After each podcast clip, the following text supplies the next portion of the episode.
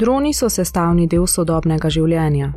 Uporabljamo jih v različne namene, od dostave do nadzora, ter za varnost, komunikacije in znanstvene raziskave. So nepogrešljivo orodje na civilnem in vojaškem področju, vse bolj pa jih uporabljamo tako v zasebnem kot poklicnem življenju. Presenetljivo pa je, da so pomembno vlogo zauzeli tudi na področju, ki ga morda ne bi samo umivno povezali z droni, to je zdravstveni sektor. Poslušate oddajo Novi izzivi, boljša zakonodaja. V tej epizodi bomo govorili o uporabi dronov v zdravstvu in ukrepih, ki jih je Evropska unija sprejela, da bi uredila njihovo uporabo.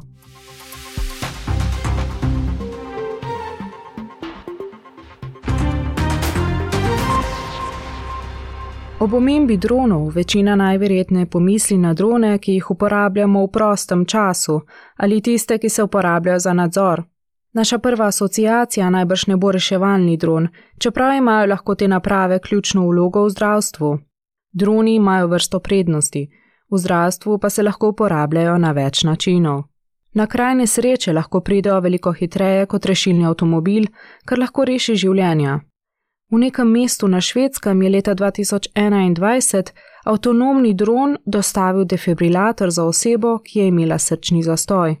Prispel je le tri minute po klicu na pomoč, hiter odziv pa je 71-letnemu moškemu rešil življenje. V Evropski uniji se droni vse pogosteje uporabljajo v podobnih izrednih razmerah, v prihodnosti pa bi lahko prevzeli še pomembnejše vloge.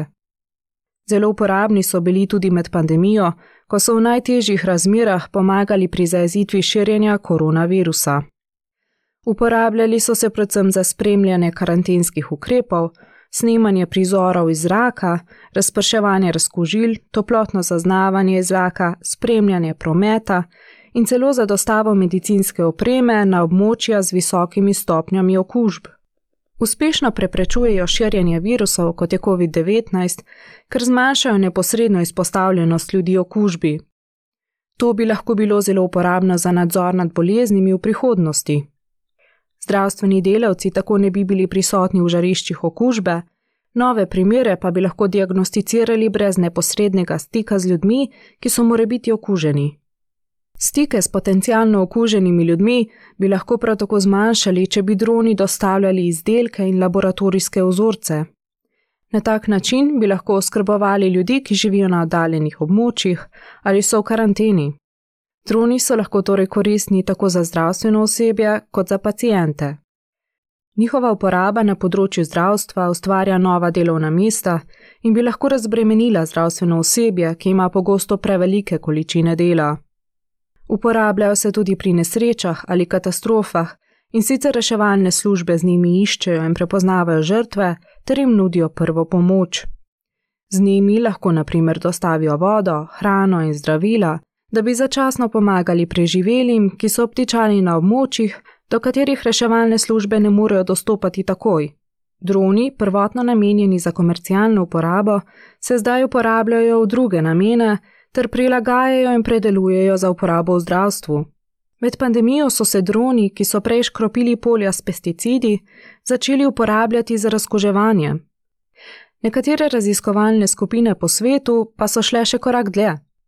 Med njimi je tudi pobuda Horizon z Tehniške univerze v Minhnu, ki ustvarja nove modele posebej zasnovane za zdravstvene namene, kar naj bi v prihodnosti še izboljšalo njihovo učinkovitost. Namesto da bi uporabili besedo dron, so te nove naprave poimenovali brezpilotnik. Nekateri inženirji pa se trudijo izboljšati zmogljivost baterije. Trenutno je omejena na približno 30 minut delovanja, kar pogosto ni dovolj časa, da bi dron opravil nalogo.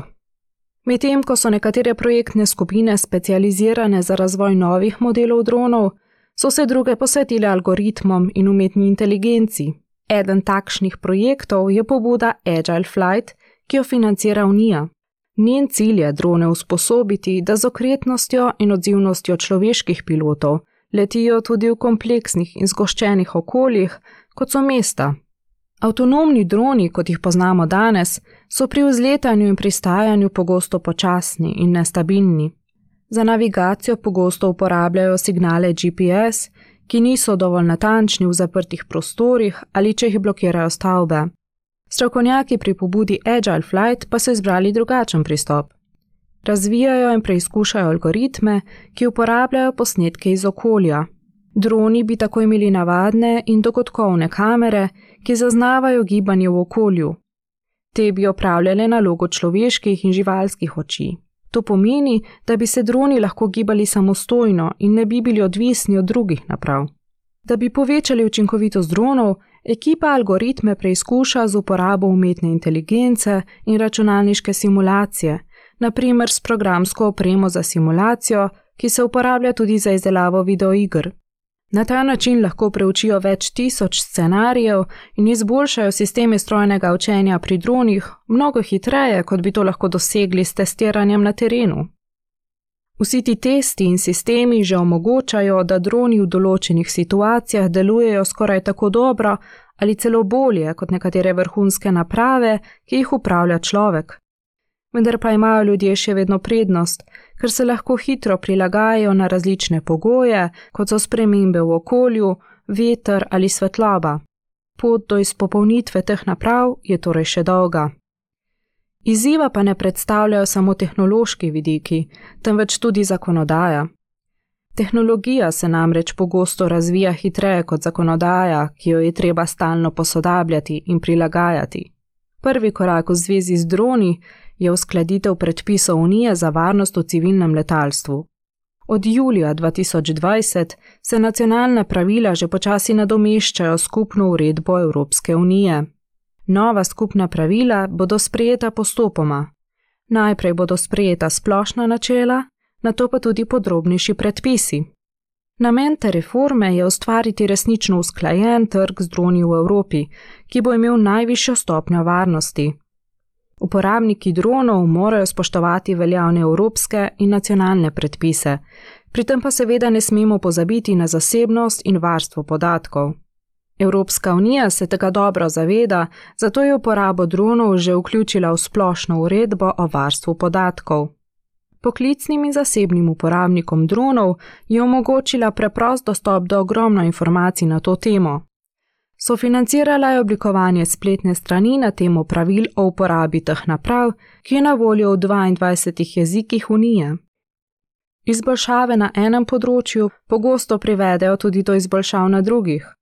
Novi modeli dronov ter z njimi povezane tehnologije in algoritmi bi se lahko na primer v prihodnosti uporabljali tudi pri raziskovanju vesolja, kmetijstvu ali celo varstvu okolja, Smo torej šele na začetku poti spoznavanja dronov in njihove vsestranske uporabe, tako na področju zdravstva, kot tudi širše.